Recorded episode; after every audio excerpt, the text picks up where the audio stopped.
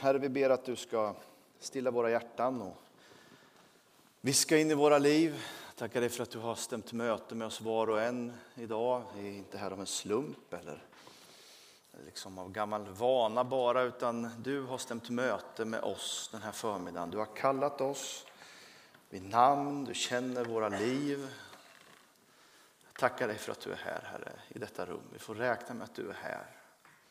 Jag ber för den som kommer hit i sprudlande glädje och på livets höjdpunkt. Herre. Jag ber att du ska glädjas med den. Jag tackar dig för den som kommer hit i, i sorg och saknad och förlust och frustration. Herre, tack Jesus Kristus att du har ett ärende till, till den personen, Herre. Du har ett ärende till oss alla. Tack att ditt rike är nära. I Jesu namn vi ber.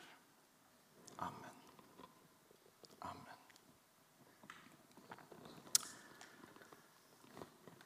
När Jesus föds i Betlehem så eh, ändras förutsättningarna för allt mänskligt liv. Jag vet att det är väldigt svåra och stora ord att ta i sin mun. Att förutsättningarna för mänskligt liv ändras. Men de gör det när Jesus föds. Gud blir människa. I Jesu kropp, i det där lilla spädbarnets kropp, i hans tonårskropp, i hans vuxna kropp så förenas det gudomliga med det mänskliga på ett för oss obegripligt sätt. Jesus gestaltar Gud bland oss i en människa bland oss. Och förutsättningarna för mänskligt liv är för alltid förändrat. Jag vet inte i vilken livssituation du lever. Men förutsättningarna för ditt liv är för alltid förändrat. Förutsättningarna för ditt liv är för alltid förändrat. Guds rike är nära. I Matteus eh, evangelium så finns det många röda trådar. Det är ett väldigt spännande evangelium att läsa. Ehm, en av de där röda trådarna är Guds rike. Eller himmelriket som Matteus har valt att kalla det. Eh, om Johannes döparen skriver Matteus så här i det tredje kapitlet, versen 1-3.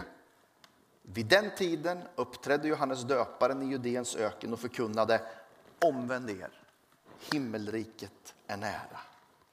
Det är om honom det heter hos profeten Jesaja, en röst ropar i öknen, bana väg för Herren, gör hans stigar raka. Johannes döparen hade som uppgift att liksom kratta manegen för Jesus, att förbereda folket. Och han förkunnade en sak, omvänd er, himmelriket är nära. Sen sker en scenförändring, en ny aktör kliver in. Det är Jesus Kristus som på något sätt tar över Johannes gärning och, och för den vidare såklart. Och han, om honom skriver Matteus så här ett kapitel senare, i kapitel 4. Från den tiden började Jesus förkunna, omvänd er, himmelriket är nära. Exakt samma ord som Johannes döparen tog i sin mun, exakt samma uttryck använder Jesus Kristus. Och så är Jesus offentliga gärning full blom. Han, han förbereder sina lärjungar, han sänder sina lärjungar i Matteus 10 och 7. Han skickar iväg dem så säger han exakt samma sak. Förkunna på er väg att himmelriket är nära. Himmelriket är nära. Jag vet inte hur din livssituation ser ut. Men det är klart att varje gång vi slår upp Sydsvenskan eller tittar på våra nyheter eller liksom möts av det där mediaflödet så, så i alla fall för mig så är det där uttrycket ganska långt bort. Att himmelriket skulle vara nära. Det finns ganska mycket annat allsköns elände som verkar vara nära. Men i 2000 år har kyrkan skanderat, Jesus har uppmuntrat oss att förkunna och liksom trotsigt proklamera. Nej, det är inte som det ser ut. Därför att himmelriket är nära. Himmelriket är nära. Jag skulle vilja reflektera lite över det där Gudsriket tillsammans med dig den här förmiddagen. Andra söndagen i advent har det temat att Guds rike är nära. I, i, i reflektionen kring Guds människoblivande så ingår det där. Vad betyder det för oss som lever på den här jorden? Att en helt ny dimension har sprungit in här. Att helt nya förutsättningar har skapats för mänskligt liv. Att Guds rike är nära. Jag tillhör Sverige, jag är glad för det. Ni vet att våra pass är de mest eftertraktade i hela världen. Så många som önskade att de vore svenskar. Och på det sättet är jag född med guldsked i munnen, jag vet det. Privilegierad. Jag tillhör Sverige. Men inte ens det är liksom det som är värt något i Guds ögon. För i Guds ögon så tillhör jag också ett annat rike. Och i det riket är alla välkomna. Oavsett var man kommer ifrån, oavsett vad man har på sitt CV, oavsett vad man har i sitt bagage så är alla välkomna till Guds rike. Där helt nya förutsättningar råder för mänskligt liv.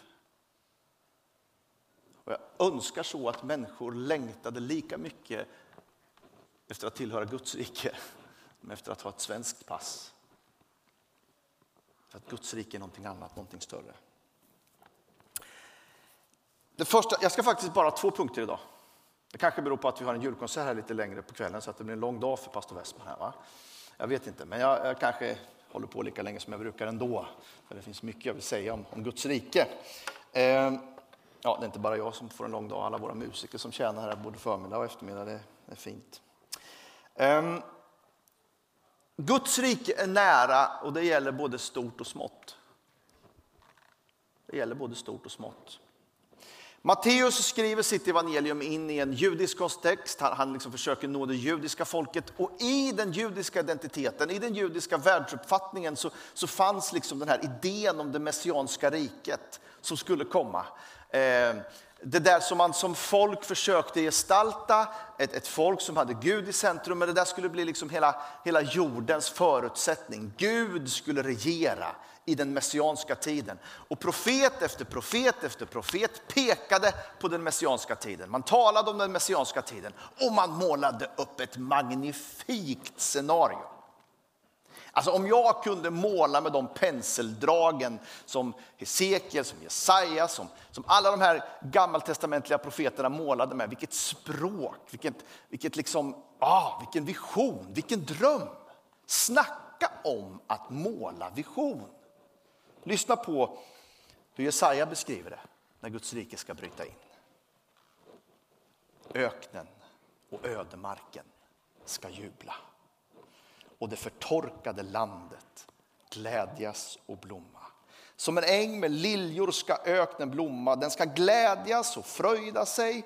Libanons glans ska skänkas den. Karmels och Sharons härlighet och folket får skåda Herrens glans. Vår Guds härlighet ger styrka åt kraftlösa armar, stadga åt skälvande knän. Säg till de förskrämda. Fatta mod, var inte rädda. Se, er Gud är här. Hämnden kommer, Guds vedergällning. Han kommer själv för att rädda er. Då ska de blindas ögon öppnas och de dövas öron höra. Då ska den lame hoppa som en hjort och den stumme brista ut i jubel. Vatten bryter fram i öknen, bäckar i ödemarken. Förbränt land ska bli till sjö, törstande mark till källsprång. Där nu schakalerna ligger och vilar ska säv och papyrusgräs växa och där ska gå en banad väg. Den ska kallas den heliga vägen. Ingen oren får beträda den. Där finns inga lejon. Där kommer inga rovdjur. Men den återlöste vandrar där. de som Herren friköpt vänder åter. De kommer till Sion med jubel, krönta med evig glädje. Fröjd och glädje följer dem, sorg och suckan flyr. Ja, amen. Det var någon som knystade ett litet amen här. Alltså, om man sätter sig in i den här liksom framtidsbilden, om man tar de här löftena till sig om att vi ska bli krönta med evig glädje, att sorg och suckan flyr, att den lame ska hoppa som en hjort, att den döve ska höra och den blinde ska se. Mm. Vilket rike! Vilket rike! Åtminstone jag skulle vilja bli krönt med evig glädje. Det är liksom vilket liv. Va? Hela Guds skapelse ska resa sig. Gud själv ska rädda oss. Tänk om vi kunde säga det till varje person i vår stad som känner sig bunden och tvingad av andra makter än Guds makter. Gud själv ska komma till dig och rädda dig. Och det kunde vara lite kraft i de orden. Det kunde vara liksom erfarenhet bakom de orden. Och så föds Jesus.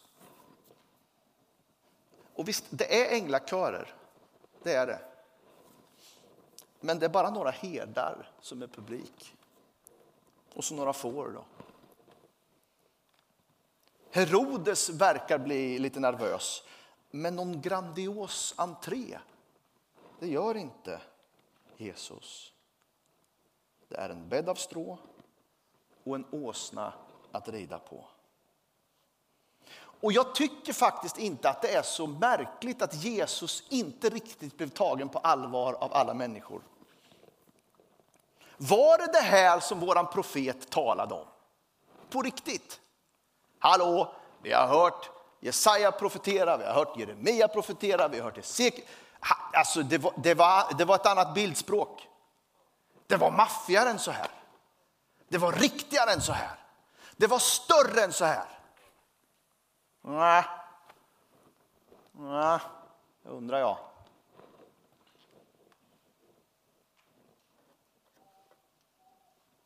Kanske hittar vi svaret på Jesu liknelse om Guds himmelrike i det trettonde kapitlet i Matteus evangeliet. Det står så här, han lät dem höra en annan liknelse. Himmelriket är som ett senapskorn som man sår i sin åker. Det är det minsta av alla frön. Men när det har växt upp så är det större än alla örter och blir till ett träd så att himlens fåglar kommer och bygger bo bland grenarna. Han använde också en annan liknelse. Himmelriket är som en surdeg som en kvinna arbetar in i tre mått mjöl. Till slut blir allt samman syrat. Allt detta sa Jesus till folket i liknelser och han talade enbart i liknelser till dem. Här beskrivs Guds rike som någonting litet men som i längden får en enorm betydelse. Och jag tänker så här, jag, tillhör, jag är en drömmare.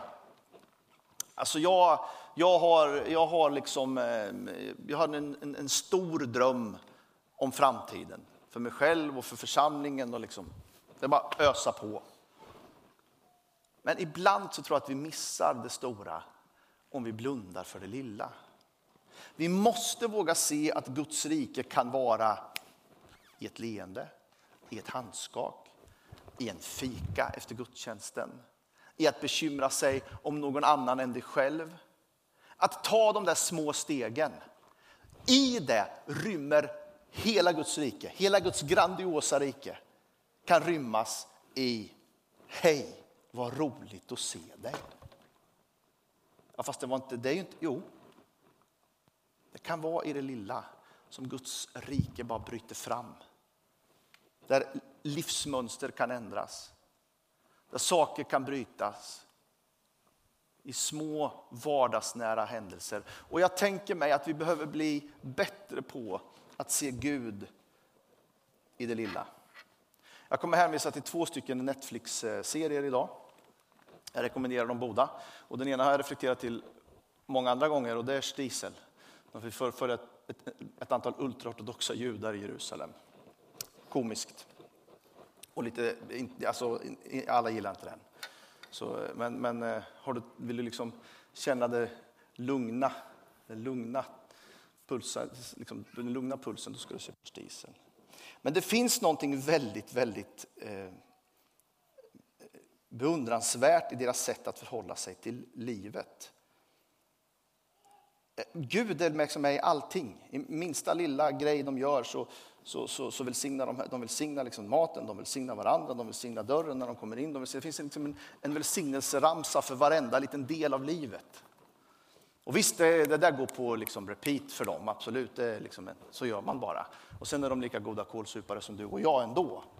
Eh, men det finns liksom där. Och jag tror att vi skulle behöva bli mycket bättre på att tacka Gud för allting i våra liv. Allting. Tack gode Gud för maten. Amen. Det räcker. Tack gode Gud för maten. Tack gode Gud för familjerna, för vännerna, för mitt arbete. Tack gode Gud för att ditt rike är här.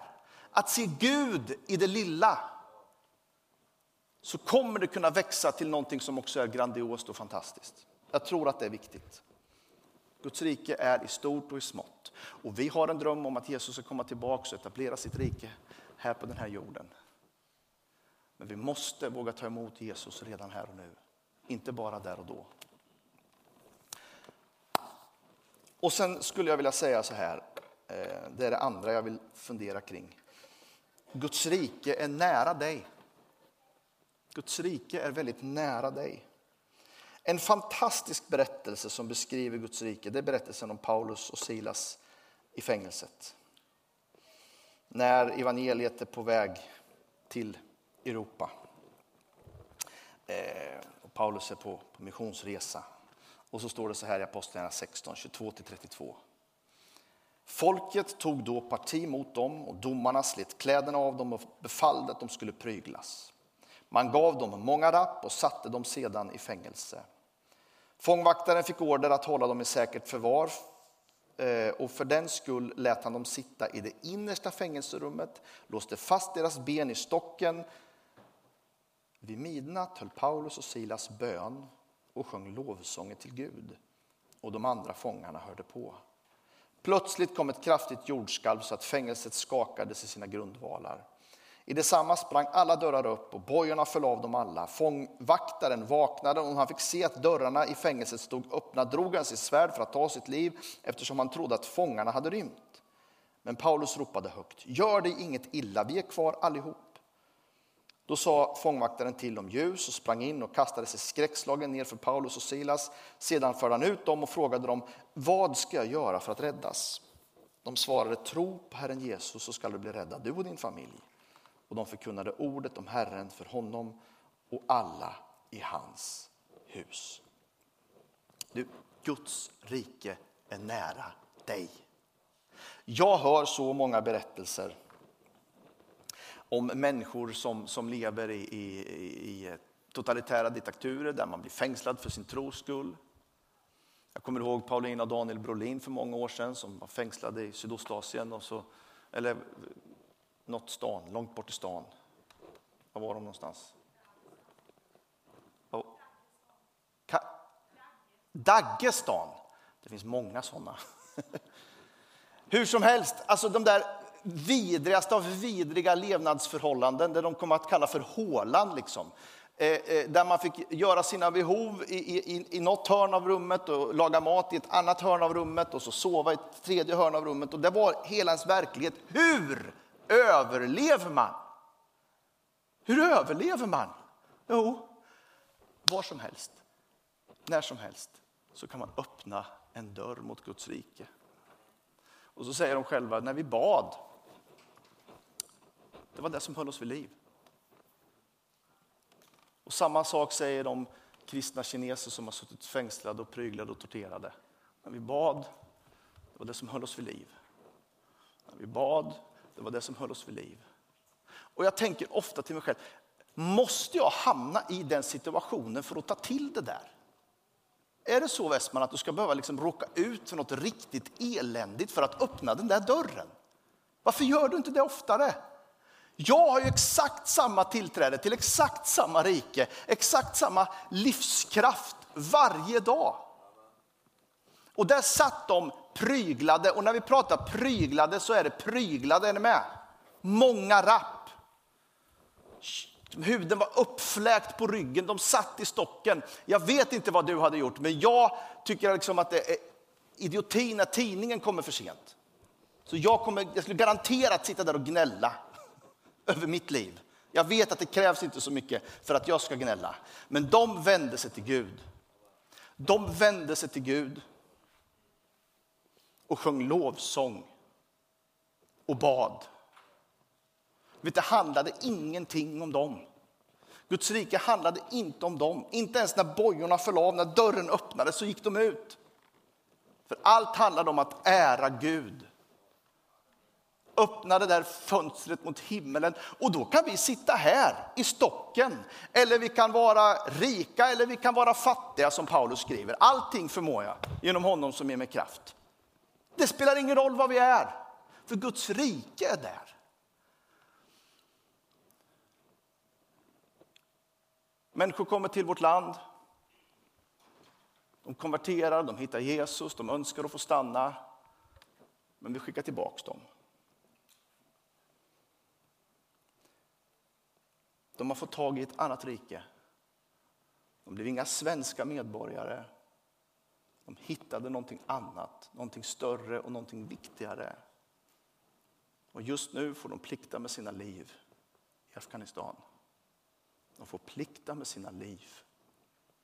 Och jag hoppas och ber att tron som de hittade var verklig och sann och djup. Och att de öppnade dörren mot himmelriket när de behövde. Och jag tänker för mig själv, varför öppnar jag inte den dörren oftare?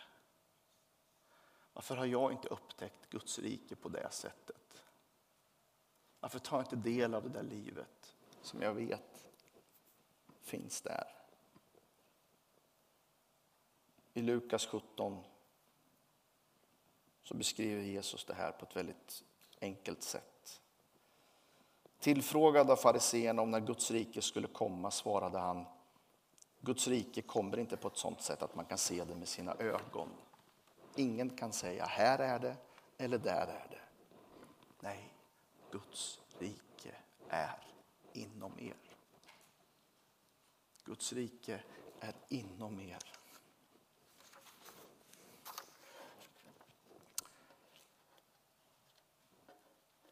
Hörrni, förutsättningarna för allt mänskligt liv förändrades den där dagen.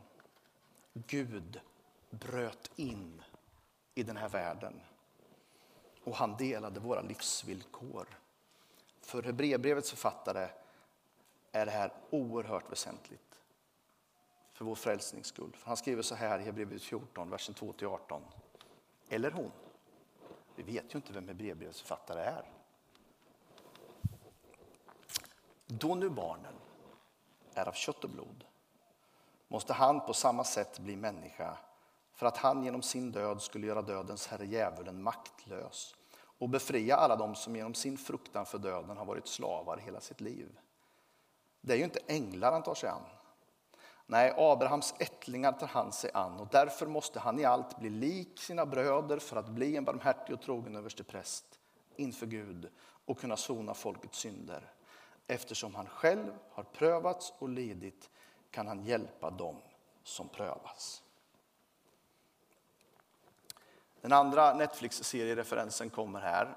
Och jag vet, den är lite sen. Men jag har börjat titta på The Crown. I know. Den har varit där länge. Eh, men alltså, det är en eh, otroligt eh, fin skildring av, ett, av en bubbla.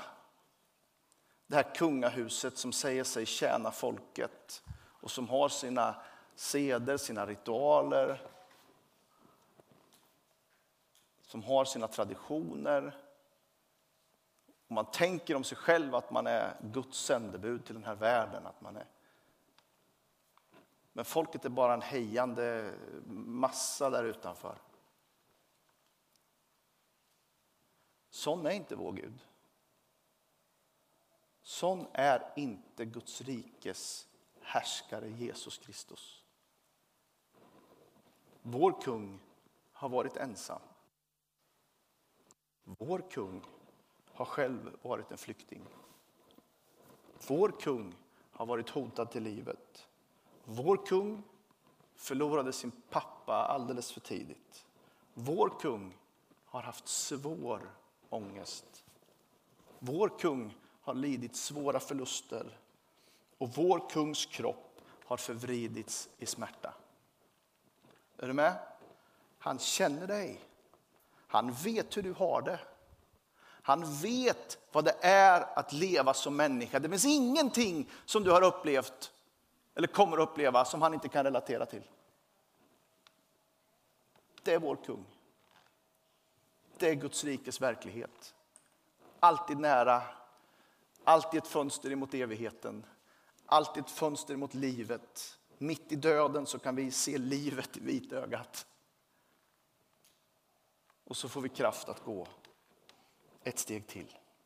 Han känner med oss, han vet vad vi går igenom och han har frälst oss, han har räddat oss från döden.